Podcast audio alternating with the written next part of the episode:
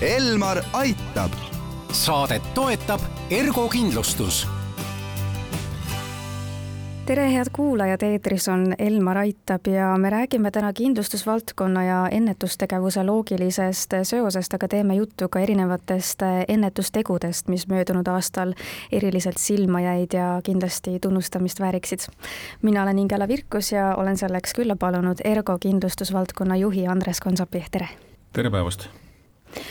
Eesti liigub jõuliselt edasi kohustuslikult äh, kindlustamiselt, milleks on siis näiteks liikluskindlustus või panganõudel kodu või äh, kaskokindlustus, äh, vabatahtlike kindlustustoodete laiemale tarbimisele, et turule tulevad uued ja personaalsemad tooted, aga saame me tuua mõne sellise näite, mis on just niimoodi lisandunud?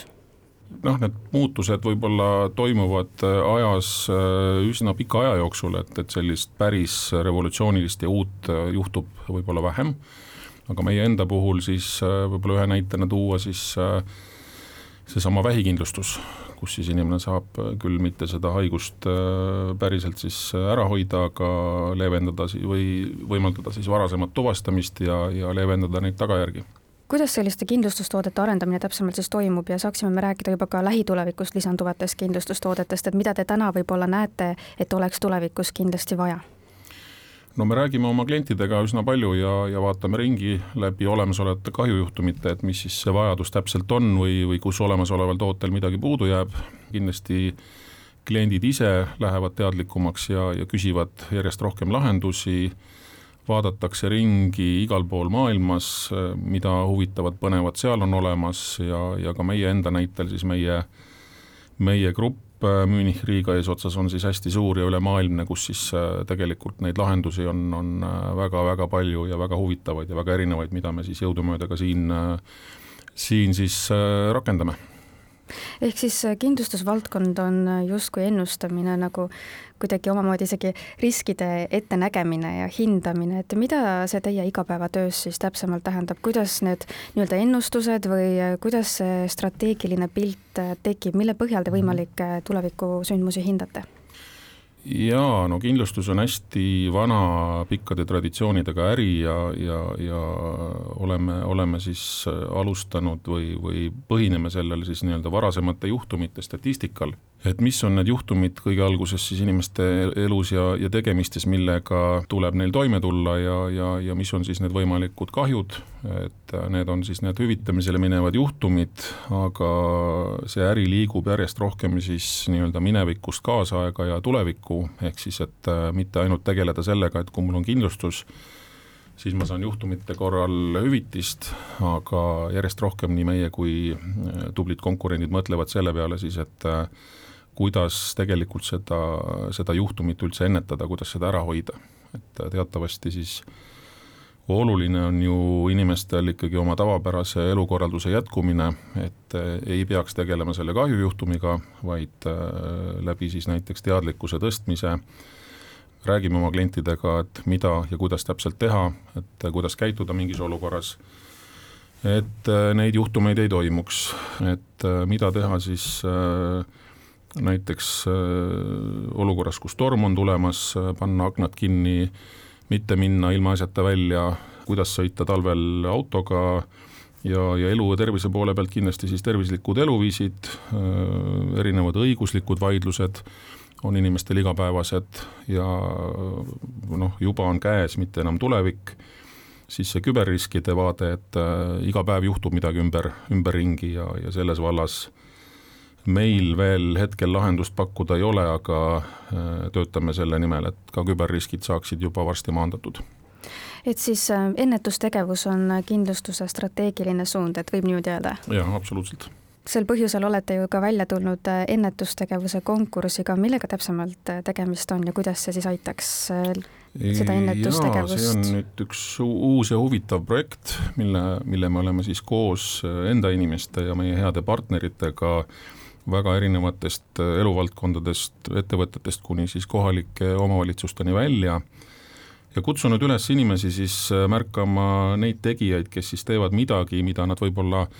iseenesest ei peaks tegema, aga on võtnud missiooni ja, ja tegutsevad selle nimel, et